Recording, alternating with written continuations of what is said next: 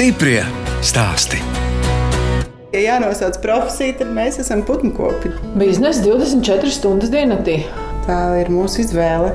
Vienkārši dzīvesveids. Tā dzīvot. jā. Piecēlies par nakti, pasties ēta telefonā, viss kārtībā. Jā. Kameras signalizācijas gulta tieši tā. Un spēja pastīties attālināti. Tas ir tas, kas ir novērsis vēl vairāk šīs uh, mm. lielās kļūdas. Kaut kas notiek, mēs uzreiz to zinām. Māja ir 5 minūšu attālumā un uzreiz var izlabot. Tā stāsta desmit tūkstoši bioloģisko vistu audzētāji Liene un Ričards Kalciemi no Tukuma novada Irlavas pagasta zemnieku saimniecības karotītes. Es, žurnāliste Dāna Zalamane, šoreiz tiekos ar gados jauniem saimniekiem, kas pirms astoņiem gadiem no jūrmālas pārcēlās uz dzīvi Tukuma novadā, nopirka viensētu un bijušajā kolhoza fermā sāka audzēt vistas, lai iegūtu bioloģisku vistas gaļu. Liene un Ričards stāsta, ka ir pilsētnieki izauguši Rīgā un Jūrmalā. Es esmu no jūrmālas. Spilgtākās bērnības atmiņas saistīts ar jūru. Nē, jūrmālniekiem nav nekas spilgts saistīts ar jūru. Parasti tas atpūtniekiem. Un ko tad jūrmālnieki audzēja zemenes? Sākumā, jā, bērnībā noteikti viss jūrmāla bija zemenēs. Tad jūs kaut kur no melžu puses. Mēlužos tieši. Visām māmēm bija visa zemenēm, tad gājas tirdzina tirgot. Nu, ko tad jūs kā bērns darījāt? Braukāja riteni apkārt. Skolas gados kādas bija kaut kādas aizraušanās. Nu, sportoja droši vien vairāk. Tenisa spēlēja, ar kartiņu braucu. Es savukārt esmu no Rīgas, dzimusi un augusi tieši uz brīvības ielas. No bērnības atmiņām laikam visspilgtākās ir laiks pavadītais vasaras mājā, Engurē. Ops ir no bērciem. Nu, jūs vismaz uz jūru gājāt. Jā, mēs jau bijām tie vasarnieki. Bet savukārt tādos 11 gados jau pārvācāmies dzīvot uz jūrmālu. Kaut gan jūra bija turpat aiz loga, līdz viņai jau aizgāja ar vien retāk un retāk. Nu, Ričards teica, viņam sports, kas jums liene, ar ko jūs nodarbojāties. Nu, arī dažādi sporta veidi jau pamēģināt. Bija dziedāja vairāk, bet es neteiktu, ka man tā izteikti būtu kāds viens konkrēts hobijs, ar ko es būtu nodarbojusies ilgāku laiku. Liena, cik te jums māsas ir? Divas? Kopā mēs esam pieci bērni ģimenēm. Tātad, jā, man ir pusmāsa un pusbrālis, tie gan ir jaunāki par mani, bet mēs esam trīs māsas. Jums Mēs bērnība bija lustīga, vai ne? Jā, mums vienmēr ir ģimenes svētki, pirms 20 cilvēkiem mums uh, neiztiek. Ričard, un cik te jums bija liela ģimene? Man ir māsa un brālis, kas stipri jaunāki par maniem. Līdz ar to es viens loteklis audzis. Un kā tad izpaudās tā lutināšana? Omīte tām zemenēm cienāja mēloši. Ja? Noteikti. Brālis arī palīdz mums šeit. Ko jūs mācījāties? Man ir um, tehnikums pabeigts. Speciālistības traktorists, bet tas jau bija jau tad, jau, kad mēs bijām pārvākušies uz šejienu, un tas jau bija nepieciešams priekš attīstības. Man arī nav augstākās izglītības. Es gan esmu vairākas reizes pamācījusies, sākot no interjera dizaina, psiholoģija, biznesa, vēl kaut ko, bet tādas vienas konkrētas profesijas man nav. Es strādāju kopā ar savām māsām. Ir tāds uh, Latvijā radīts zīmols Munio Kandela, kas ir sveču ražošana. Es visus savus darbu gadus esmu pavadījusi tur, rūpējoties gan par dažādām vajadzībām ražošanā, gan ar pārdošanu saistītām lietām. Tā pieredze, ko es ieguvu tajā uzņēmumā, arī šeit mums ir ļoti palīdzējusi. Hobiji, visi saistītie ar sportu, pārgāja kaut kādās darba darīšanās. un Visi jaunības gadi bija saistīti ar ūdens motosportu un um, to organizēšanu Latvijā un komandas kaut kādu organizatorisko darbu. Braukājām apkārt pa pasaules čempionātu. Pēc tam bija kāds posms, kurš bija saistīts ar autotirniecību, un tad jau pārvācāmies uz laukiem. Un kāpēc lauki? Tāda ideja, ka vajadzētu dzīvot laukos, jau tāda bija jau kopš mēs esam pazīstami. Likās, ka kaut kad vecumdienās varētu dzīvot laukos, nevis pilsētā, bet ar kaut kā tie apstākļi sagriezās, un tas kļuva iespējams, un parādījās šis īpašums tirgu, mēs laikam tā ļoti mērķtiecīgi abi ielicām kaut kādā nezināmajā. Kolekcijas laikā tur bija divi dzīvokļi un dzīvoja kaut kāds darbinieki. Bija kaut kāds birojiņš arī. Šī bija arī tā kolekcijas ferma, kurā strādāja tie cilvēki. Ko te audzēja? Kost. Tad jūs faktiski nopirkāt fermas strādnieku māju. Jā, ferma jau bija pārpirkta. Māju tad bija jāpārbūvē. Māja bija ļoti kvalitatīvi uzsākta, pārbūvēta, bet nebija pabeigta. Tad mēs ar saviem spēkiem pabeidzām lēnā garā. Un ko nozīmē ļoti kvalitatīvi? Nu, forši bija, bija koku logi ielikti un jumts uzlikts jauns un pamati jauni izbūvēti ar uh, smuku apdaru. Kā Tas, kas bija darīts, bija izdarīts forši. Mums bija tomēr būtiski, lai mēs pēc iespējas ātrāk varētu tur dzīvot un neieguldīt ļoti liels līdzekļus. Māja ir liela. 150 kvadrātmetru. Tagad nav par lielu. Ar diviem bērniem, suņiem, kaķiem un visu mūsu iedzīvotnē nav pa lielu.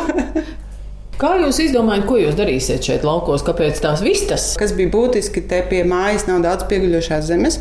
Līdz ar to mēs bijām ierobežoti tajās izvēlēs, saprotot, ka mēs nevaram audzēt lielopus, kuriem vajadzīgas ganības daudz. Un tas, ko mēs zinājām, ka mēs vēlamies saimniekot bioloģiski un ka mēs vēlamies, lai mūsu produkts būtu gaļa. Mm. Nevis olas. Jā, tad uh, mēs iepazināmies ar bioloģisko regulu, ko mēs varam, ko nevaram, kā tas notiktu. Un tādā mirklī mēs izsvērām, ka variants varētu būt vai nu truši, vai nu vistas bet uh, trušu regulējums vēl nebija īsti izstrādāts, un mēs nonācām pie tā, ka ir jāaudzē vistas. Abi divi vistas, laikam, rokās nebijām turējuši nekad mūžā, bet nu, tad sākās tāds trīs gadu garš posms, kurā mēs kļuvām par tiem putnu kopiem. Tad Ričards kļuva vēl par traktoristu. Jā, nu, tas bija priekš labi projektiem. Tad mēs sākām lēnām eksperimentēt no maziem būrīšiem, kurus pārbīda katru dienu, kurā katrā ir 20 vistas. Mēs pirkām dažādas šķirnes vistas, skatījāmies, kurus mums varētu derēt. Paldies Tā kā tāds pārvietojamie namiņi, ja, vistām. Mm -hmm. Tad mēs uzbūvējām pirmo mazu kūtiņu, tur varēja ielikt 150, bet tās bija dēļa vistas. Mm. Ielikām iekšā. Nu, sākumā tad olas bija tas, jā, tas pirmais produkts. produkts bija olas, jā, bet tas bija ar tādu mērķi jau, ka tā būs gaļa, bet par cik attīstības sākuma posmā bija svarīgi, lai kaut kāds produkts mums veidojās, un olas tomēr ir daudz vienkāršāks produkts, tam nav vajadzīgs kautuvs un cehi un viss pārējais, kas piedarās pie gaļas lietām, līdz ar to mēs nolēmām sākt ar olām. Foršākās tās kļūdas, kas nav notikušas, un te paldies sievai. Viņa pirmā saprata, nu, ka šī tā tas neies un ka būs bankrots pēc pāris mēnešiem. Un tad viņa uzmeklēja šīs jaukās meitenes no universitātes vetārstas, kuras atsaucās LLU. Jā, kuras izstāstīja, kāda tā putnkopība reāli notiek pasaulē. Tad braucām uz izstādēm un iepazināmies un sarunājām šos kontaktus. Bet jūs no tām šķirņu vistām gribējāt veidot ganāmpulku? Mēs gribējām izveidot vaislas ganāmpulku un tad iegūt inkubācijas olas. Savairot tos putnus jau vairumā. Jā, jā, jā. Tad sākās tāds milzīgs, milzīgs izpētes process, saprast, kā tas notiek citur Eiropā. Stiprie stāsti!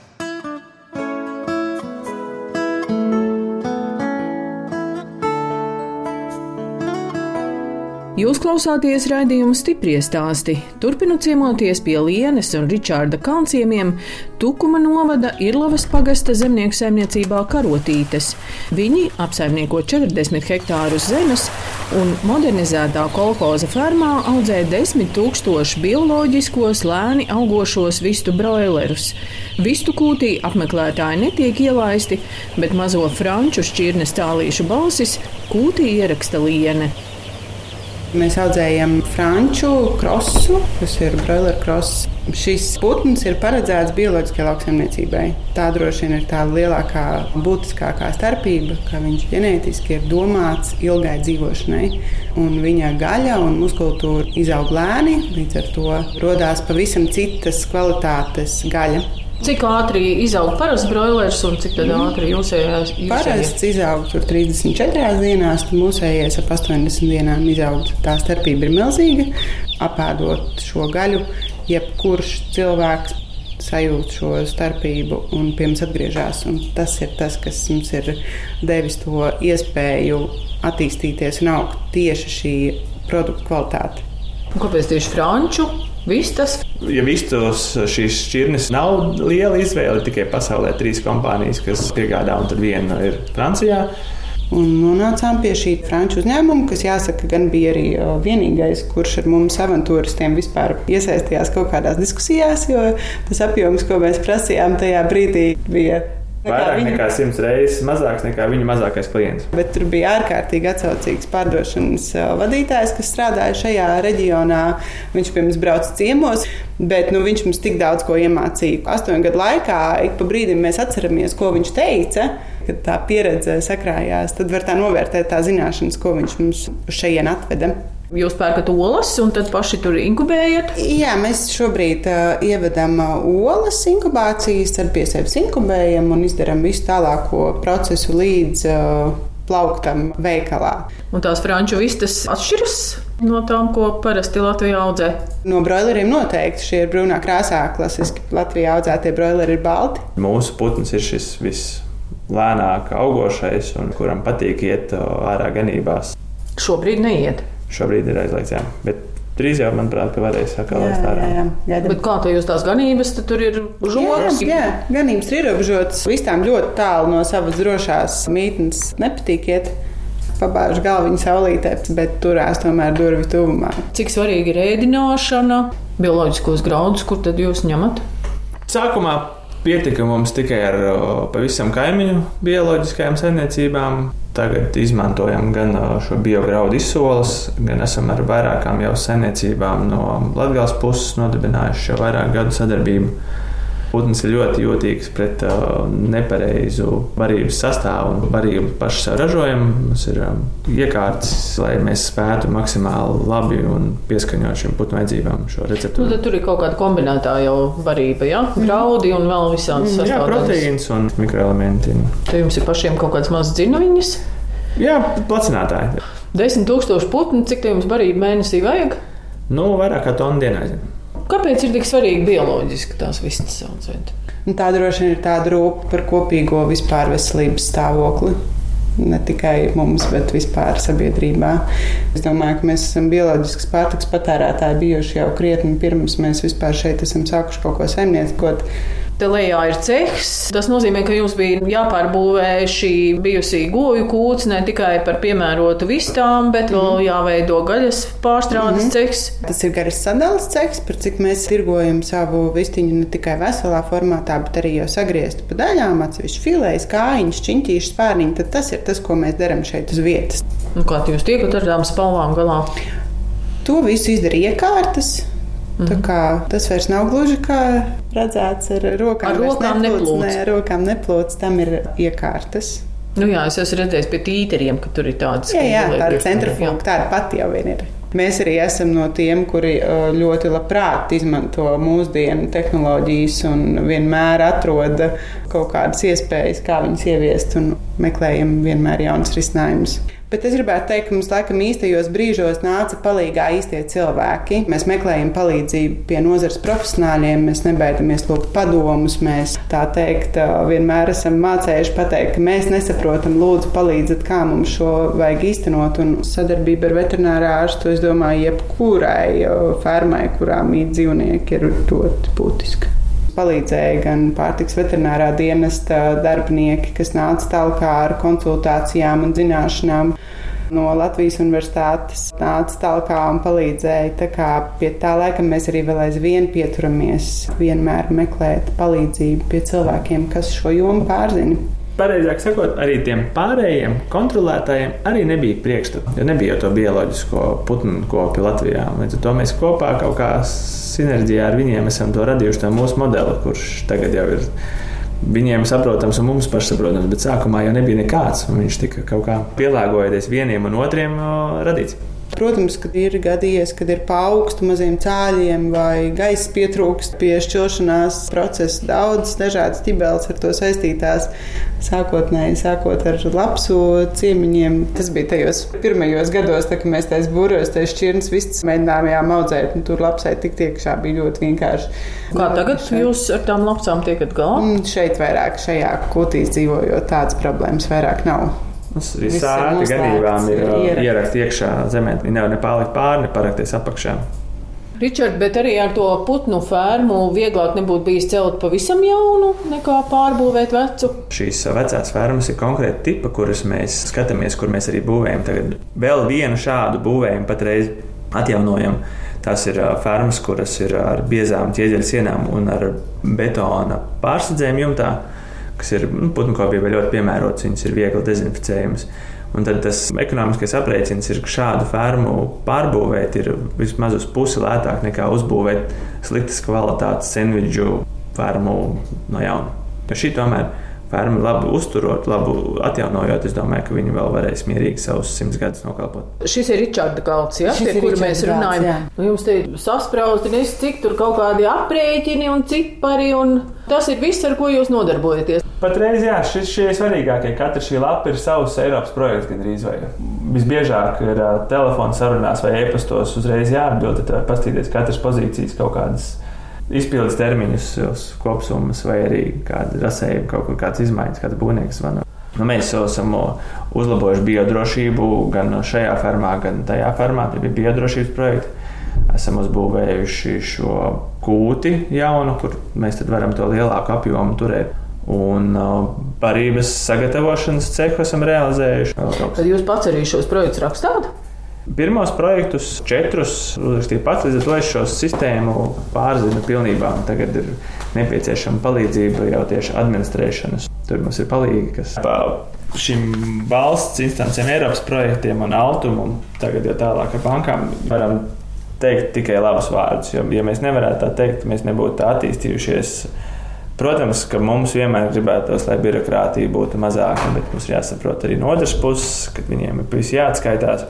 Bet Altums ir tā superīga organizācija, kur mums pirmā noticēja. Tad, kad uh, vajadzēja līdzfinansējumu pirmajiem Eiropas projektiem, un mēs stāstījām Ladam un stāstījām tam Altumam, kā mēs te audzēsim un kas tam mēs bijām. Mēs bijām divi jaunieši ar kaut kādu ilūziju, vecu, vecu sabrukušu kūti. Noticēja gan Altuma darbinieci, gan Latvijas reģionālā vadītāja. Un, uh, paldies Dievam, ka viņi noticēja kaut kā mēs spējām viņus pārliecināt, un paldies viņiem par to. Nu, Ričard, jums tā guntiņa bija tajā acīs. Noteikti. Tā aizrautība. Noteikti. Nē, es domāju, nekur nav zudusi. Jā. nekur nav zudusi tā jā, tas, tas arī ļoti ir, svarīgi, vai ne? Vēl aizvien var noķert to sajūtu, jā. Tagad nākošais, kam mēs gatavojamies, būs savs lielāks kautus un lielāka ceha būvniecība. Ar laiku varēs tur jērus un kāds bioloģisks cūks vai vēl trušs, jā, viss kā, ar gaļu saistītais, es domāju, ka šis realizācijas tirgus ir izveidots. Latvijā tā pirktspēja ir tāda, kāda ir. Tad, kad runā par bioloģisko, tad viss saka, jā, vai cik forši, un tad, kad ir jāpērk, tad tomēr skatās, cik tas maksā. Nu, jā, es tomēr pieturos pie teorijas, ka katram produktam ir savs pircējs, un mūsu uzdevums ir atrast, kur ir mūsu pircējs. Ja mēs to nevaram atrast, tad tā ir mūsu problēma. Protams, vienmēr var izdoties labāk, un šī brīdējā situācija pasaulē nav tā vienkāršākā. Bet mēs turpinām meklēt jaunas un jaunas iespējas, kā realizēt un, un kā vēl tālāk aizvest. Tā tas ir tas, pie kā mēs strādājam. Desmit tūkstošu vistu. Tas nozīmē, ka ar Latvijas tirgu jau jums nepietiek. Nē, Latvijas tirgums nepietiek. Viens no mūsu pamata eksporta tirgiem ir Igaunija, kurā mēs jau esam jau arī gadus četrus. Citā sfērā mēģinam sevi pierādīt, kas ir jau izēvielu piegādātājs priekš bērnu pārtikas ražošanas. Slovākijas tirgus ir tas, kur mēs ejam, bet uh, turpinam sarunas vēl ar citiem ražotājiem. Tā kā redzēs, cik tālu mēs aizvedīsim šeit karotītais augušās vistiņas.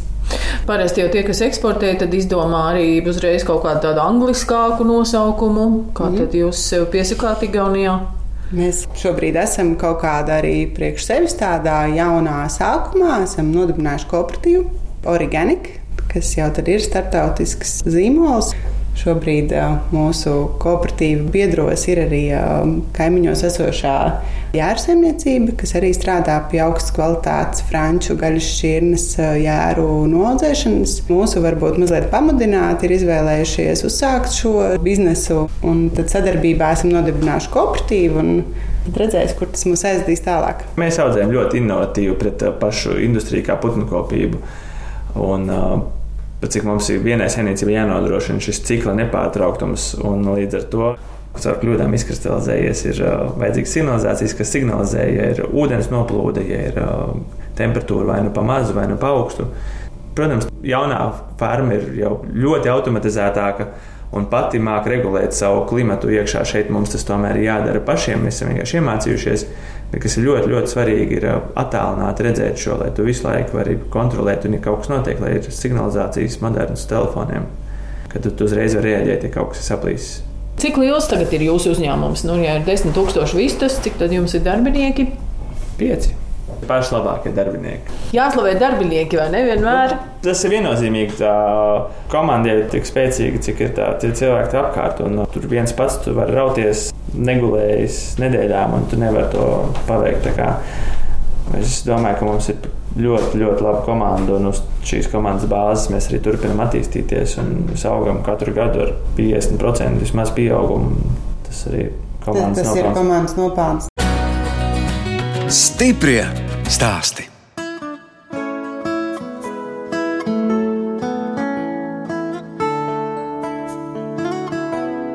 Jūs klausāties redzējumu stipri stāstī. Turpinot ciemoties pie Lienas un Ričārda kaunciemiem, Tukuma novada Irlavas pagasta zemnieku saimniecībā karotītes. Abi audzina divus bērnus, meitu Annu un dēlu Robertu. Anna ir 11 un Robim ir 13. Tādi jau pusauģi. Jā, kārtīgi. jau pusauģi. Jau pusauģi. Kādas viņiem ir intereses? Anna jā, ir zirgum. Es skatos, tur zīmējums ar zirgu. Tas ir Annas. Ja, tas ir Annas, jā. Tas, man liekas, ir jau sens diezgan zīmējums. Tā kā es. Uh, Tur vēl nebija īstā zirga. Jā, bija īstais zirgs pašai savs. Zirgs dzīvo stāvī tukumā. Un uh, Roberts savukārt vairāk uh, spēlē šahu. Bet dēls arī mēģināja kartingu, bet um, šachs tika prioritizēts. Tad jau ir matemātiska jā. domāšana. Jā. Katram tomēr savu interesi. Nu, Anē noteikti ir mm, meitene, kur izbauda dzīvi laukos. Viņai patīk, viņa saprot, viņai interesē, viņai tas ir tā dabīgi iekšā.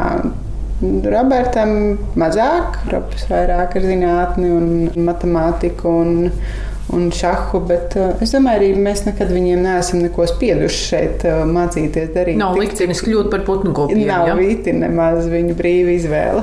Astoņu gadu laikā, cik bieži esat bijuši atvaļinājumos?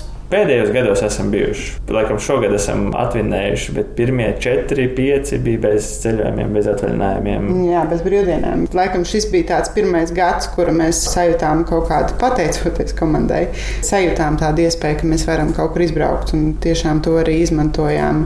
Bet uh, pirmos gadus, jā, jau brauciens līdz pieminētajai vasaras mājai brīvdienās bija pietiekoši sarežģīts un bija jābrauk kā šurp, lai pārbaudītu un darītu tā kā pirmie gadi Pieci. Bez Jāņiem, Ziemassvētkiem un jauniem gadiem. Atkal no otras puses, nu, ja grib dzīvē kaut ko sasniegt, kaut kas ir jāupurē, vai ne? Jā, un tas ir vēl pie tam jāupurē kaut kādu posmu, līdz tas atkal mainās un nostabilizējās kaut kādā citā virzienā. Bet, jā, lai kaut ko uzsāktu, pirmajiem gadiem jābūt gataviem visu savu enerģiju izmantot tikai tam vienam mērķim. Ričardu, kas tas jums ir par kausu tādu? Tas ir kartinga kāds kauss. Mm -hmm. Tas ir no kartīgas attiecībām. Es arī pašam, ja? Jā, arī es esmu atsācis. Man hobija ļoti svarīga. Es uh, nevaru bez viņiem savādāk. Tu tā kā paliec nomākts, un tad ir dažādas fiziskās aktivitātes. Vai... Bez kārtīga, kas tad vēl? Fiziskās sagatavotības treniņi un skvošs. Un, um, Kādreiz bija veikbors, tas vairs nav tik daudz, bet ir katru nedēļu vairāk treniņu, nedēļa obligāti nepieciešama. Nu, mēs esam pasākuši šeit uz kādu treniņu kopā kustības mūsu ģimenē ir diezgan svarīgas. Slēpošana ziemā. Un tur tā enerģija radās, tur tā enerģija atjaunojās un radās. Savādāk ir tikai problēmas, problēmas, problēmas. Bet pēc tam treniņiem atkal tu brauc, un asins ir smadzenēm pieplūdušas. Un liekas, ah, tas viss ir tā, un šī atrisināsies. Un... Kaut kā tas viss atkal atrisinās. Tāda sportiska ģimene, ja? Es domāju, ka virsvidējā noteikti. Virsvidējā. Man patīk statistika, es noteikti esmu aktivitātē virsvidējā. Kā vēl jūs brīvo laiku pavadāt? Mums noteikti ļoti izbaudām labēdienu. Tā ir vēl viena tāda lieta, ar ko mēs mēdzam ik pa laikam aizrauties. Mums patīk aiziet uz kādu tiešām labu vietu, kur pāriest. Patīk kaut ko mājās pagatavot, neierastāk. Tā kā ēdienas ir mūsu ģimenē svarīga sastāvdaļa. Patīk pāriest, tad pēc tam jāsporto vai ne, lai tās kalorijas nerodas. Tieši tā. Sarunas laikā blakus saimniekam Ričardam guļ suns, kam ir tikai trīs kājas. Tas ir mūsu pirmais border collies, kuru izvēlējās mūsu dēls. Kurš īstenībā ir iniciators tam, kad mūsu kaimiņos ir izveidojusies aitu ferma, tad šis sunīts bija viens no tā sākuma posmiem. Jā, un sunītam pavisam maziņam gadījās saskrieties ar mašīnu, viņš palika trīs kājām. Bet nu, tas nav traucējis viņu ganīt aitas un ik pa laikam tur ieviest savu kārtību. Un redz, cik viņš omulīgs. Trīs kājiņas viņam tikai, bet bumbiņa mutē. Viņš te grib spēlēties, jā, lai kāds. Jā, jā, nu viņš ir Ričards Mīlīts. Tur vispār nav jautājumu. Viņiem ļoti, ļoti labi draudzība izveidojusies.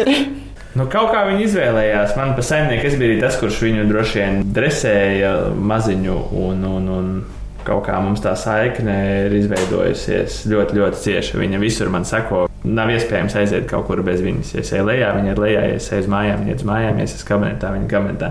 Tāpēc, diemžēl, pēdējā gada laikā tā kustība ir mazāka, jo vairāk sanāk laiks kabinetā, bet to mēs kompensējam ar bumbiņas non-stop uh, mētāšanu. Jo border collijas ir ļoti, ļoti aktīvs suns un viņam vajag ļoti daudz gan komandas, gan uh, prāta mežģis un spēles. Jums ir vēl kāds sunītis? Jā, mums bija divi sunīši vēl, bet viens no mūsu sunīšiem ir pazudis.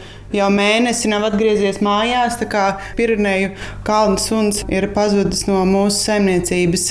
Mēs vēl aizvien ticam un ceram, ka viņi atradīs ceļu atpakaļ pie mums. Bet mūsu trešais sunīts savukārt ir pavisam jauns border kolīs, kuru tad uh, vairāk audzina mūsu meita, kurš mācās lekt un uh, līst un uh, pildīt dažādas citas komandas. Kaķim arī ir divi laukos dzīvojot, bez kaķiem nevar.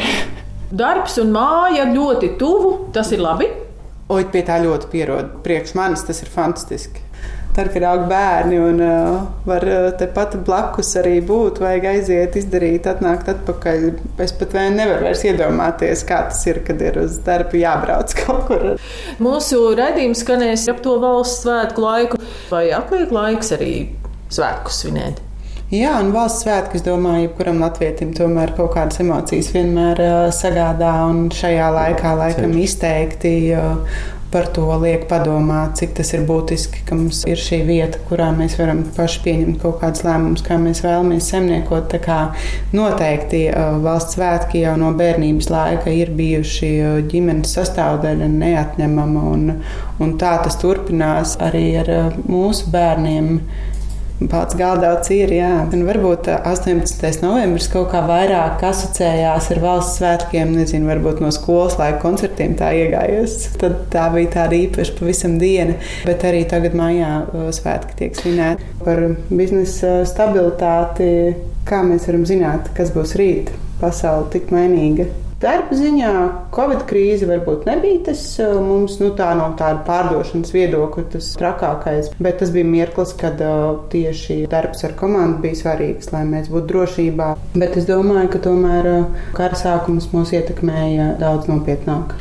Nu, galvenokārt izējumateriāla cenas, izņemot, protams, to psiholoģisko un vispār aptvert to ārprātu, kas tur notiek. Bet no uzņēmuma viedokļa, jā, kad šīs resursu cenas uzkāpa tik strauji, divreiz, trīsreiz mūsu pamatresursiem, elektrībai un uh, graudiem, degvielai un kurināmajam.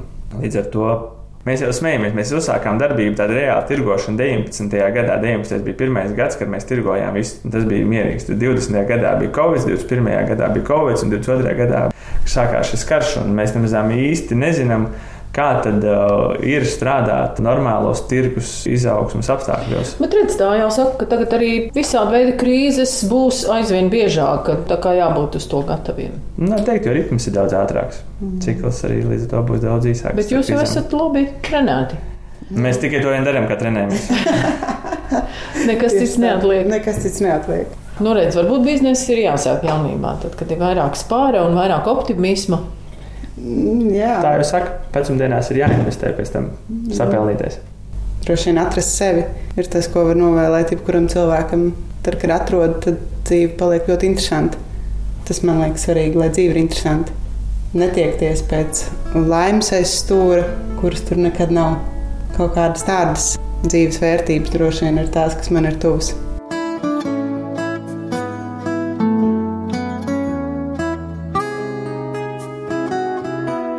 Redījums stipri stāst izskan, un mēs atvadāmies no Lienes un Ričārda kalnciemiem, bijušajiem pilsētniekiem, kas Tukuma novada Irlavas pagasta zemnieku saimniecībā karotītes, astoņu gadu laikā izveidojuši desmit tūkstošu bioloģisko broileru ganāmpulku un uzsākuši arī vistas gaļas eksportu.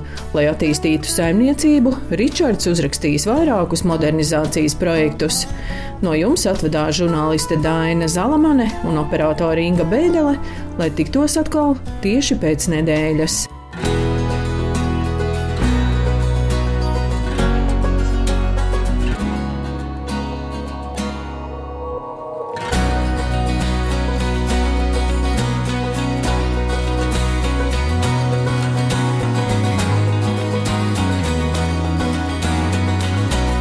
Stiprie stāstī.